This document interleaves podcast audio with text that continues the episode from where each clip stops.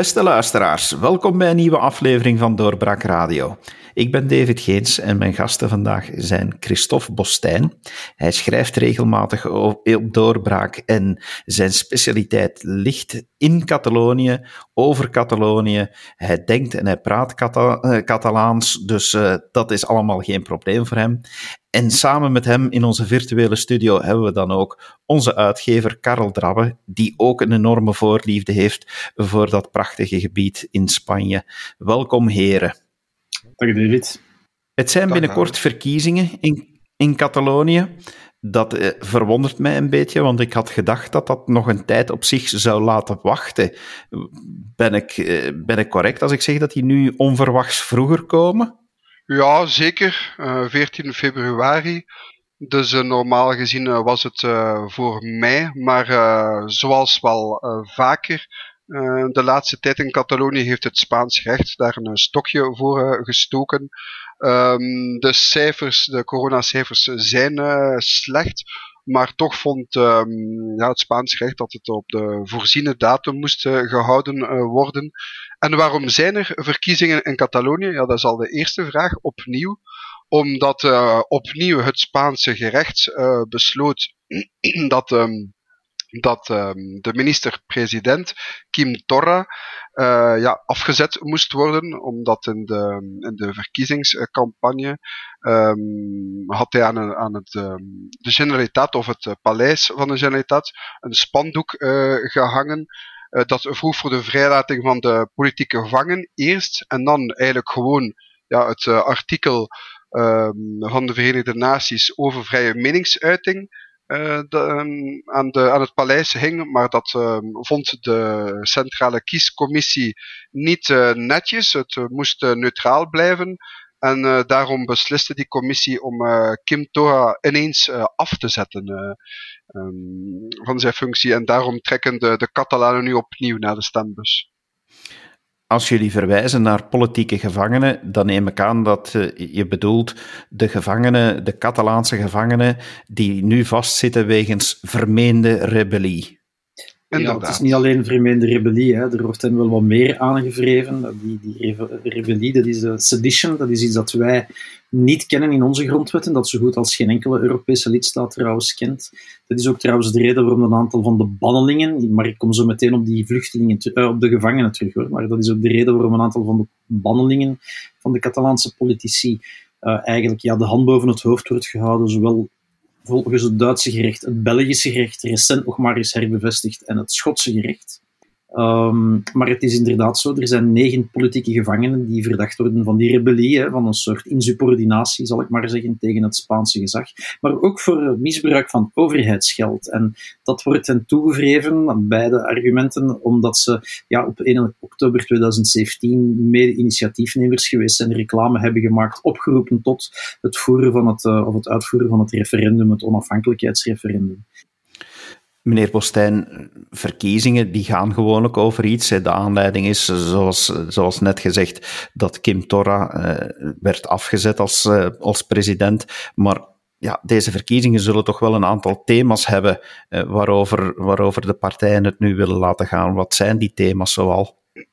Ja, het is natuurlijk opnieuw geen, geen uh, gewone verkiezing. Ja, de laatste jaren is in Catalonië nooit een gewone verkiezing geweest. Maar nu is er uiteraard die, die coronacrisis. Dus niet alleen over de gezondheidszorg uh, zal het gaan. Want eigenlijk overal in Spanje, ook in uh, Catalonië, is uh, ja, op een bepaald moment de, de gezondheidszorg overweldigd door de toevloed van, van, van patiënten. te weinig middelen, dus de, de, de, de besparingen die gebeurd zijn. Dat enerzijds. Maar anderzijds ook het, het sociaal bloedbad.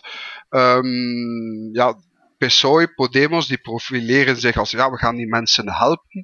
Uh, tijdelijke werkloosheid wordt uh, verlengd, of economische werkloosheid vergemakkelijkt. Probleem, ja, zoals in, in Catalonië, ik ken er veel mensen die, die zeggen, of die in dat geval zitten, en die sinds vorige maart, uh, april, die RT's, zoals dat heet, um, hebben ingediend. Maar omdat ja, de, de Spaanse diensten daardoor overstelpt zijn, zijn eigenlijk mensen die nog altijd wachten op, ehm, ja, op die vergoedingen sinds vorige zomer. En dat maakt uiteraard dat ehm, ja, er ontevredenis, ontevredenheid ook daar is. is de, de, de wachtrijen aan de voedselbedeling is ook, ja, die, zijn lang. En dan is er uiteraard de kwestie die al jaren speelt, ja, onafhankelijkheid, referendum. Op dat gebied zien we dat het, ja, het speelt mee, maar in welke mate, dat zal nog wel de, de kwestie zijn. En uiteraard, de coronacrisis, het zijn niet alleen maar die inhoudelijke vraagstukken die nu naar voren komen, maar ook de opkomst. Er is een, uh, het aantal mensen dat uh, vraagt om um, via uh, brief te stemmen ligt zeer veel hoger. Maar ook welke, ja, welk effect zal dat hebben op de, de opkomst? Er zijn echt wel enorm veel factoren die hierin meespelen. Ja, dat is een feit. Hè. Er zijn, ik heb het daar straks nog even opgezocht voor de podcast. Er zijn 5,6 miljoen Catalanen die mogen stemmen op zondag 14 februari. Bij de vorige verkiezing is ongeveer 80% opgedaagd. Dat was in december 17. Dat was de hoogste turnout, de hoogste opkomst uh, sinds de democratische transitie van Spanje van 1978 binnen Catalonië. De vraag is wat het uh, zondag zal geven. En dan zal de vraag ook zijn natuurlijk, en dat elke partij kijkt daar naar uit. Hè. Wiens kiezers of wierkiezers zullen uh, massaal op, opdagen of massaal thuisblijven. Of vanuit welk kamp, de independentistische kant of de unionistische kant, zullen de mensen opdagen en stemmen fysiek of per brief. Dat is maar af te wachten. corona heeft heel hard toegeslagen in Spanje. Heeft trouwens veruit de slechtste cijfers van Europa. Dus in welke mate zijn de mensen bereid om nu in de rij te gaan staan om een stem uit te brengen? Dat is inderdaad af te wachten. Dat, eh, dat weten we niet. Catalonië is wel een welvarende regio, dus hoe zit het daar met die gezondheidszorg? Hoe hard heeft de crisis daartoe geslagen? Want we horen altijd rapporten over Spanje in zijn geheel, maar de coronacrisis specifiek in Catalonië, hoe zit het daarmee? Ja, dus ik denk niet dat het eh, beter is dan, dan in de rest van uh, Spanje. Um, na de financiële crisis zijn er overal besparingen uh, uitgevoerd. En eigenlijk de centrale overheid heeft dat wat proberen uh, afwimpelen op de, de, regionale overheden. En wat zijn de grootste bevoegdheden in Spanje en bij de regio's? Is dat vooral gezondheidszorg en uh, onderwijs. Dat neemt het gros ook van, van de, de uitgaven voor zich. En daar zie je toch dat ja, welvarend, maar uh, bijvoorbeeld in, um, in de, de wijk van uh, mijn schoonfamilie in, in Barcelona hingen in maart, april affiches op de, de, de ramen van het lokale ziekenhuis, ziekenhuis waar mensen, waar verpleegsters vroegen om ja, handschoenen, uh, plastieke brillen, uh, mondkapjes, maar ook gewoon zelf grote vuilzakken en, en plakband mee te nemen, omdat ze niets hadden om aan te trekken, om zich te isoleren. Dus was het eigenlijk gewoon een vuilzak aantrekken, handschoenen, plakband er rond, en zo, hup, de, de arena in, het ziekenhuis. Dus ze hebben hier toch wel ja, dramatische zaken meegemaakt die we bij ons niet hebben gezien, gelukkig. Is de kans dan groot dat de regering, dat de zittende regering, daar heel hard wordt op aangepakt? Want gewoonlijk als er zoiets valt, dan wreekt zich dat toch bij de verkiezingen. Of uh, speelt dat minder, meneer Drabbe? Volgens mij speelt dat veel minder dan je zou kunnen verwachten, omdat dat. Uh, Christophe heeft het er net al aangegeven. Hè, je zit inderdaad met die gezondheidscrisis, met de coronacrisis tussen haakjes, de volgende stap is dan de relance. Hè. Alle partijen, wie dan ook, uh, leggen wel relanceplannen op tafel en een volgende regering zal ook een relance moeten uitwerken. Maar laat me dat nu even opzij leggen. Zoals Christophe zei, je hebt niet alleen de coronacrisis, gezondheidscrisis. Er is ook die zaak van dat referendum, van het onafhankelijkheidsproces. De huidige regering bestaat uit independentistische partijen, zoals dat heet, die dus eigenlijk principieel voor een onafhankelijkheid zijn de meeste partijen die in de oppositie zitten, zijn daartegen. En die tweedeling, ja, die blijft ook uh, vandaag spelen. Als er nu analyses worden gepubliceerd van de opiniepeilingen die er voorbije weken zijn uh, gepubliceerd, dan gaat het altijd in de eerste plaats over die tweedeling, over die twee verschillende kampen. En of dat een van die twee kampen spontaan de meerderheid zal halen, daar komen we straks nog wel op terug, denk ik. Of dat uh, een partij uit een ene kamp een partij uit een andere kamp zal nodig hebben om een nieuwe, of niet nodig hebben, maar een andere soort, een andersoortige regering zou durven vormen. En dat is maar de vraag. Maar ik denk dat we het zo meteen wel zullen hebben over de potentiële coalities en de uitslagen van de verkiezingen. Weet, we hebben wel geen kristallenbol, maar we gebruiken hem toch maar. Maar in die zin speelt de vraag naar onafhankelijkheid nog altijd een rol. Deze verkiezingen zullen altijd gelezen worden als een herbevestiging of eventuele afwijzing van het referendum. Ehm, niet alleen of niet noodzakelijk van het referendum, dat zullen de pro-referendumpartijen of de independentistische partijen wel zo formuleren, maar gewoon de vraag of er een meerderheid in het parlement is van de independentistische zijde, enerzijds, en anderzijds wat nu ook speelt, um, dat speelde ook bij de Europese verkiezingen van 2019 al, en, bij, um, en of dat. Kijk, bij de vorige verkiezingen van 2015 en 2017 hebben de independentistische partijen een meerderheid van zetels gehaald in het parlement. Dus 50 plus. Hm? 50% plus moet ik zeggen, ja. Maar in stemmen was dat niet het geval. Bij de Europese verkiezingen van vorig jaar zaten we aan 49,7% van de Catalanen die voor een onafhankelijkheidspartij stemden als er nu analyses verschijnen in de Catalaanse en in de Spaanse pers over de nakende verkiezingen, dan zie je terug hè, ook die vraag.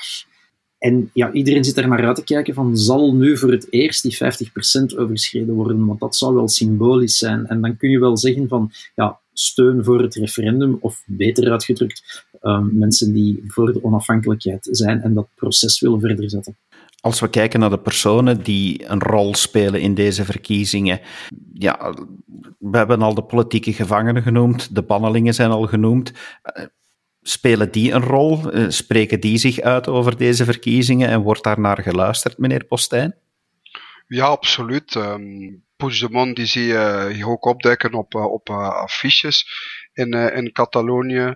Um, bijvoorbeeld de, de andere politieke gevangenen uh, van Esquerre vooral, maar ook van uh, Junts, die, die hebben penitentiair verlof gekregen um, van, de, van de Catalaanse overheid, het departement van justitie, om, ja, en die, die gebruiken dat om um, campagne te voeren. Bijvoorbeeld Oriol uh, Junqueras, die is uh, alom tegenwoordig, die, die gaat spreken, doet mee aan uh, verkiezingscampagne volop.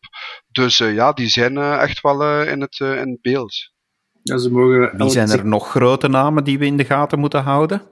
Als ik misschien even mag aansluiten, het is, dat penitentiair verlof is eigenlijk wel interessant. Het is een regime dat hen toelaat om nu tijdens de campagne elke dag na het ontbijt de gevangenis uh, te verlaten, zal ik maar zeggen. En ze moeten dan voor half negen s'avonds terug zijn en overdag mogen ze vrij campagne voeren. Dus gaan spreken op uh, meetings, pamfletten uitdelen op straat enzovoort. Het is eigenlijk een heel hallucinante, nee, het is een heel absurde situatie eigenlijk. Hè. Uh, overdag campagne mogen voeren, maar om 8.30 uur terug uh, de gevangenis in, om daar dan uh, ja, terug achter slot en grendel terecht te komen. Ja, en ook hier is het opnieuw een, eh, een beetje een kat-en-muisspel uh, tussen Catalonië en Spanje. Want uh, in, in Catalonië is een van de weinige regio's waar het uh, gevangenisstelsel is geregionaliseerd. Dus wie gaat over, die, over dat verlof en die toelating? De Catalaanse overheid. En de, de gevangenen hebben alleen penitentiair verlof uh, gekregen, maar ja, de, de fiscalia, de openbaar aanklager, kan daar tegen in beroep gaan voor een Spaanse rechtbank en die heeft dat dan weer ingetrokken. En nu hebben ze opnieuw een aanvraag gedaan met de Catalaanse overheid die ze opnieuw goedgekeurd hebben. En dus de volgende stap zal misschien weer zijn dat ze opnieuw naar de, naar de rechtbank trekken om dat daar opnieuw in te trekken. En ja, zo is het een spelletje zonder einde zoals, zoals gewoonlijk in Catalonië en Spanje. Dat is zoals zo'n perpetuum mobile, al die knikkertjes die achter elkaar hangen en je stoot tegen de eerste en het beweegt tot de laatste en het blijft maar eeuwig uh, bewegen van links naar rechts. Dat is het inderdaad wel, ja. Maar zijn die politieke gevangenen zelf terug kandidaat bij deze verkiezing? De, nee, er is geen enkele uh, gevangene kandidaat. Niet, want die is, nee, die is, nee. Het gaat wettelijk niet, omdat die ja, ook, um, ik weet niet hoe, hoe je het zegt in het Nederlands, maar die zijn uitgesloten van het uh, uitvoeren van een openbaar ambt en, uh, en zijn ook hun politieke rechten uh, verloren voor de duur van een ja, veroordeling, wat dus ja, bijna tien jaar is per, per gevangene. En welke zijn dan de andere namen die we in de gaten moeten houden? Wie speelt er een grote rol in deze verkiezing? Ja, dan heb je ook nog uh, Salvador Ille natuurlijk, um, de Catalaan die tot voor kort of tot voor deze campagne nog Spaans minister van uh, Gezondheidszorg was, uh, toevallig. Het is een beetje vreemd dat de PSOE die wil uitspelen als effecto IA, van het IA-effect, maar omdat die zodanig populair zou zijn van ja, gezond, onze minister van Gezondheidszorg, we offeren die op midden in de coronacrisis maar goed, de mensen zijn ook niet onverdeeld gelukkig over dat uh, beleid dat gevoerd is. Dat soms nogal uh, chaotisch was, niet alleen uh, in, in België. En ja, een, um, een doorweekte kartonnen doos op straat, zou je kunnen zeggen, heeft meer charisma dan IA zelf. Dus de PSOE klopt dat wat op. En ja, je ziet wel een probleem met de peilingen in Spanje dat je nooit kan geloven, um, ja, wat is er van waar, omdat die altijd wel vanuit één hoek komen. En nu zeggen de peilingen dat het gaat tussen eh, PCC en Esquerre, dan tussen Junts en Esquerre, dan tussen PC en, en, uh, en Junts, dus de, de, de Catalanisten en de, de PSOE. Maar uiteraard, ja, door um, het ineenstuiken van uh, die andere partij, Ciudadanos, die eigenlijk ja, geen kopstuk de, de naam waard heeft, um, ja, maakt de, de PCC sinds heel lang, de, de socialisten in, eh, in Catalonië, toch wel een, een kans om, uh, om bovenaan te raken. Meneer Drabbe, u lijkt daar precies een beetje aan te twijfelen. Wel, wat Christophe zegt, van je moet uh, natuurlijk peilingen altijd wel met uh, een paar korrels of een aantal zakken korrels zout nemen. Dat, dat is ook wel zo. Uh, je ziet ook met het feit dat in Spaanse peilingen de unionistische partijen altijd beter scoren dan in Catalaanse peilingen, waar de Catalanistische of de independentistische partijen gemiddeld beter scoren. Maar als je kijkt naar de vorige verkiezingen, dan zie je wel dat de Catalaanse peilingen er altijd veel dichter, om niet te zeggen heel dicht, uh, op zitten op het eindresultaat. En dan zeggen dat uh, Salvador Illa, dus de sociaaldemocraat die, die, die Madrid nu naar Barcelona... Het is een Catalaan, maar goed. Die, die, die die nu geen minister van Gezondheidszorg meer is, maar de PSC-lijst trekt in Catalonië, de sociaal-democratische lijst. Um, ja, het heeft wel effect. Hè. Uh, de, in, in peilingen, uh, ik ga ze er even bijhalen, zou, zouden de Sociaaldemocraten groeien van ongeveer 14% die ze nu hebben, hè, volgens de verkiezing van 17, naar 23% dat, dat zijn zomaar even 10% punt erbij. Dat is van 17 naar 3 of 34 zetels. Dat, dat is wel wat. Hè. Vraag is alleen wie dat er de grootste partij wordt natuurlijk. Dat is bij elke verkiezing, in elke regio en in elk land en in elke stad het geval. Um, en dat is wel heel onduidelijk. Uh, ofwel worden dat de Sociaaldemocraten voor uh, het eerst in lange tijd, ofwel wordt het de centrum-linkse onafhankelijkheidspartij ERC, Esquerra, zoals Christophe uh, al zei, ofwel wordt het de partij van Puigdemont, om het dan maar zo te zeggen. Uh, de, de centrumpartij um, die uh, ja, nu in de laatste peiling die ik gezien heb van El Nacional zelfs groter wordt dan Esquerra. Dus het is afwachten. het is, we zullen wel zien wat er gebeurt. Um, ja, bij, bij Centrum Rechts, de Junts per Catalunya, kan je ook afvragen wat het effect zal zijn van die ja, splinterpartijtjes die, die overblijven van het uh, oude Convergentia. Dus uh, PDCAT uh, onder andere, maar ook El, Partit, El Partit Nacionalista de Catalunya. Dus enkele nieuwe initiatieven. En, ja, en als het uiteraard zo ja, de strijd om de eerste zo, zo heet is, zo dicht op elkaar, als bijvoorbeeld um, de PDCAT erin slaagt 2% te halen, haal ze daar geen zetel mee.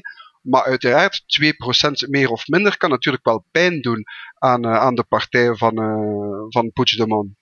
En om, om even ook terug te komen, Ciudadanos Effecto IA, ik vind dat toch wel een, een enige, nuance, omdat ja, wij weten dat niet in, in Vlaanderen, maar Ciudadanos is eigenlijk um, opgericht in Cata Catalonië, eigenlijk door um, door malcontente uh, socialisten, die, toen was er nog een catalanistische vleugel in, uh, in de PCC, die is nu weg, maar die, die wouden eigenlijk een, een hard unionistische koers. En die hebben toen Ciudadanos opgericht. Dat is ja, van centrumrechts naar rechtser gegaan. Maar dat electoraat is eigenlijk wel nog altijd datzelfde gebleven. Dus dan, dan spreek je over de, de rand van Barcelona, de, de Spaanstalige gordel. En die heeft altijd uh, socialistisch gestemd en daar haalde Ciudadanos veel stemmen. Dus natuurlijk, nu Ciudadanos is volledig aan het instorten. Dus dan kan je denken, ja, logischerwijs gaan die stemmen terug naar, uh, naar de socialisten. Of misschien ook, dat zal misschien ook nog een, een, een verrassing zijn in de Catalaanse verkiezingen, is wat zal het uh, Spaans-unionistische en extreemrechtse Vox uh, halen qua, qua percentages en misschien zelfs zetels. Ja, maar de peilingen die er nu zijn en die ook kijken naar de verschuivingen niet alleen tussen partijen, maar ook binnen partijen duiden dat aan. Hè. De, de, de Sociaaldemocraten halen de stemmen bij de Ciudadanos. Uh, en Vox wordt nu begroot op minimum 6, maximum 9 zetels. En die komen van nul, voor alle duidelijkheid. Extreem rechts was tot nog toe volledig afwezig in het Catalaanse parlement. Partij Popular zou niet vooruit gaan. De linkspopulisten van de Catalaanse Podemos, uh, Catalonia en Como, zou ook niet echt vooruit gaan. Dus je ziet daar inderdaad dat die unionisten van Ciudadanos, hè, van die populistische partij, nu naar eh, de Sociaaldemocraten en naar extreem rechts zullen gaan.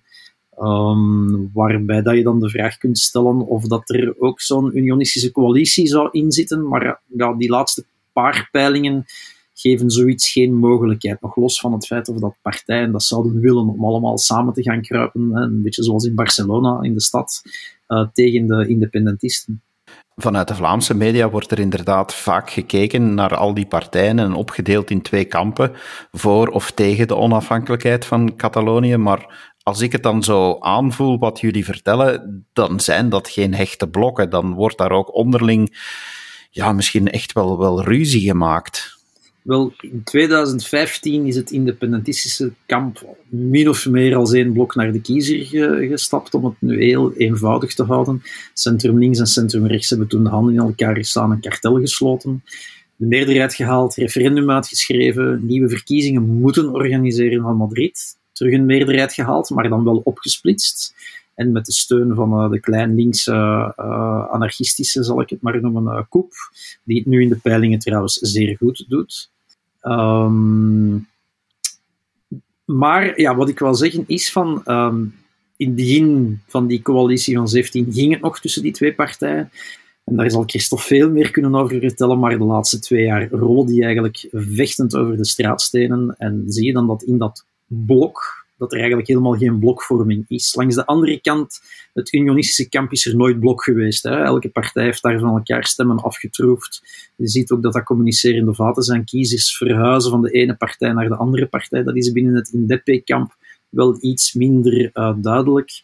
Uh, daar zit toch wel met, met, met, grotere gehelen. Maar het, de enige lijm binnen het independentistische kamp, dat is het proces uitvoeren dat gestart is, zal ik maar zeggen, met het referendum van uh, 1 oktober 2017. En op termijn tot onafhankelijkheid te komen. En dan laat ik in het midden via welke weg. Want dat zorgt natuurlijk voor discussie tussen die diverse partijen. Doe je dat via een dialoog met Madrid? Waar Esquerra Republicana voorstander van is? Of zeg je van nee, Madrid, die dialoog, dat wordt niks, we geloven daar niet in. We moeten gaan voor een uh, unilaterale verklaring van onafhankelijkheid, zoals Jones, uh, de partij van Puigdemont, dat eigenlijk wil. Meneer Drabbe, u had ook een artikel geschreven op Doorbraak. Als ik dat uh, lees, dan ja, merk ik dat u toch wel probeert een glazen bol te gebruiken en voorspellingen te doen naar mogelijke coalities. U ziet drie mogelijkheden, klopt hè? Wel, niet zozeer ik. Ik baseer me natuurlijk ook op mijn lectuur uh, van mijn Catalaanse bronnen. Ik, ondertussen zijn er zelfs al vier scenario's. Ik heb er net eentje geschetst dat al niet in aanmerking zou komen volgens de laatste paar peilingen. Dat is alle unionistische partijen tezamen, van extreem links tot extreem rechts. Los van het feit dat dat inhoudelijk een heel moeilijk verhaal zou zijn, uh, halen zij ook geen meerderheid in zetels en ook niet in stemmen. Dus die mogelijkheid kunnen we al vergeten. Dan is er de mogelijkheid dat de independentisten de meerderheid halen uh, tezamen. Dat wil zeggen de twee grote, centrum links, centrum rechts en de kleine anarchisten. De koep, die tot nog toe altijd vanuit de oppositie het, het independentistische regering heeft gesteund. Dat zit er nu ook in. Die zouden qua zetels een meerderheid hebben. En misschien zelfs qua stemmen, maar dat zullen we zien. Uh, zondag.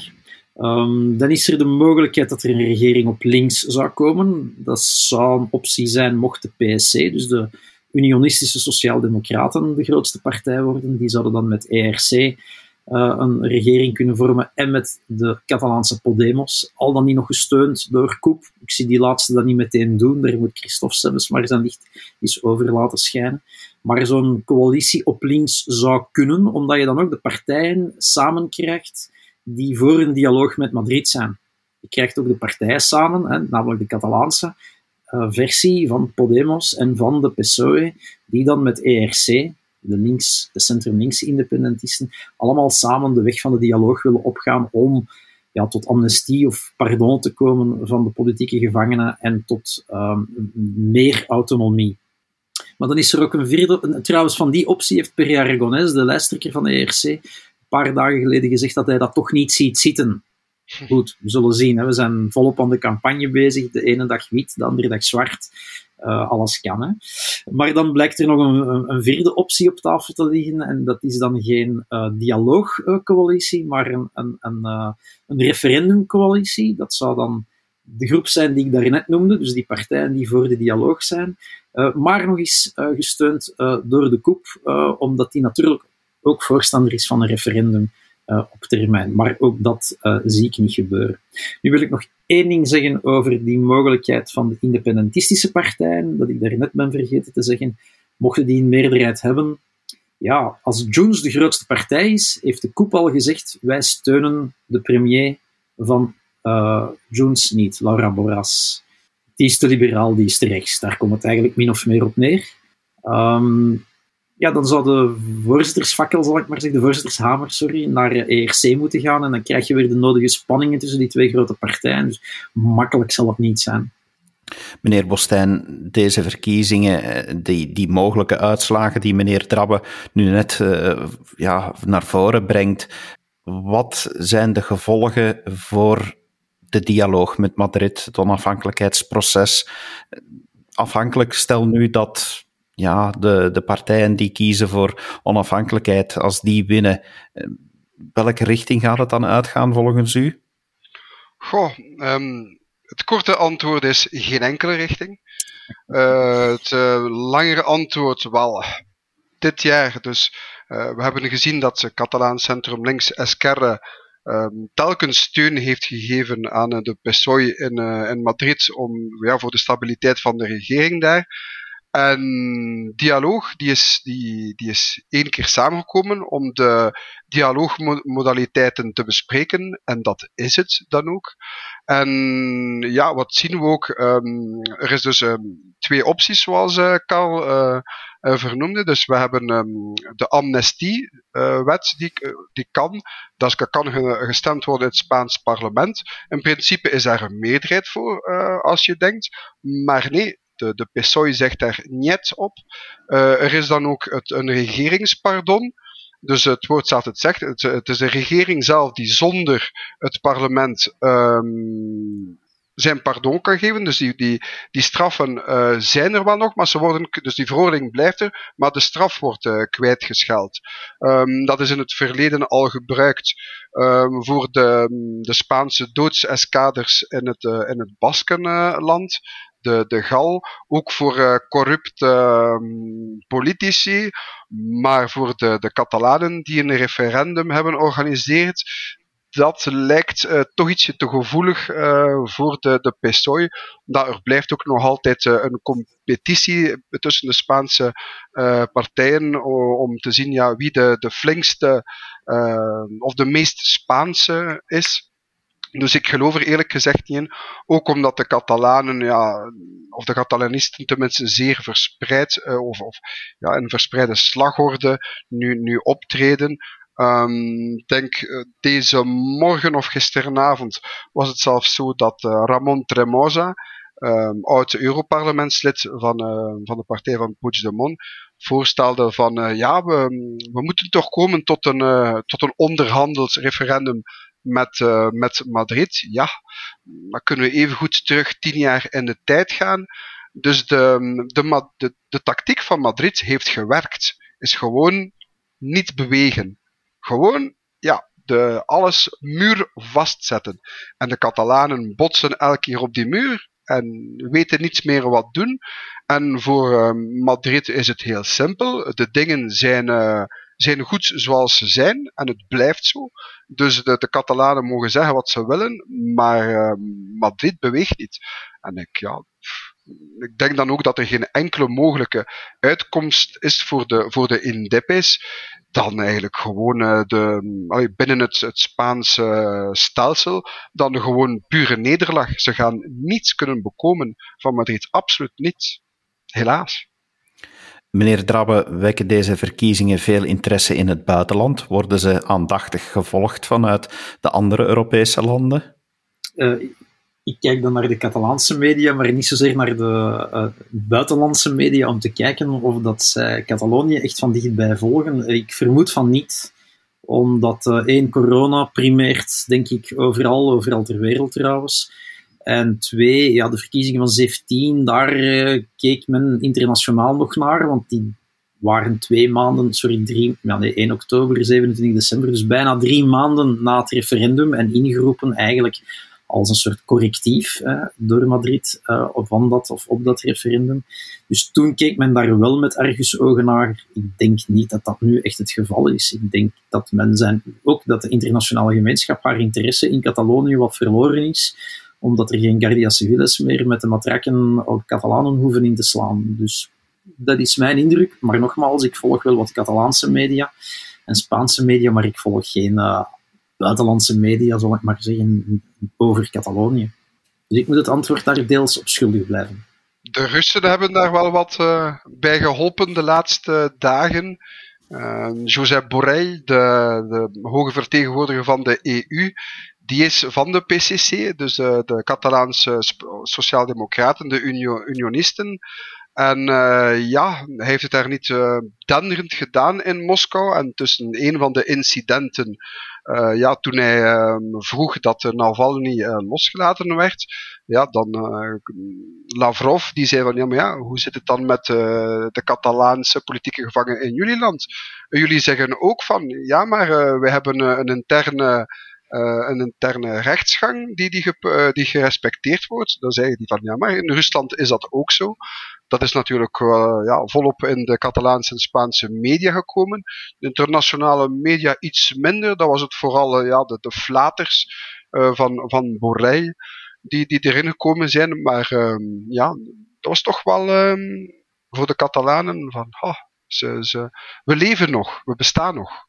Ja, dat is, dat dan heel even, tussen haakjes, diezelfde Borrell, een sociaal-democraat, is een man die in het verleden al een paar keer gezegd heeft dat er in Spanje niet zoiets is of bestaat als politieke gevangenen. Dus dat zegt ook heel veel wat die man betreft. Maar er zijn nu wel, zag ik uh, vandaag of gisteren, uh, 50 Europese parlementsleden die om het ontslag van Borrell vragen omwille van die flaters die hij begaan heeft in Moskou. En daar zit zelfs iemand bij van Vox. Dus het zijn niet allemaal Catalaanse independentisten die nu dat ontslag vragen. De interesse is misschien beperkt in de buitenlandse media, maar zeker bij doorbraak hebben we wel die interesse.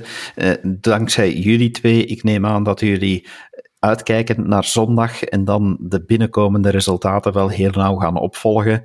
En dat we van jullie heel snel een analyse mogen verwachten. Zeker wel. Ja, absoluut. Dank, Dankjewel voor jullie toelichting in deze podcast. Het was zeer leerrijk, heel veel bijgeleerd over Catalonië. Dankjewel, meneer Postijn, meneer Drabbe. Graag gedaan. Graag gedaan. En u, beste luisteraar, dank u wel dat u geluisterd hebt. Blijf zeker ook afstemmen op onze volgende podcasts. We houden u op de hoogte van binnen- en buitenland, zoals u merkt. Graag tot de volgende keer. Dag. Dit was een episode van Doorbraak Radio de podcast van doorbraak.be. Volg onze podcast op doorbraak.be/slash radio of via Apple Podcasts, Overcast of Spotify. Bezoek ook onze website op doorbraak.be en steun ons door een vriend te worden van Doorbraak.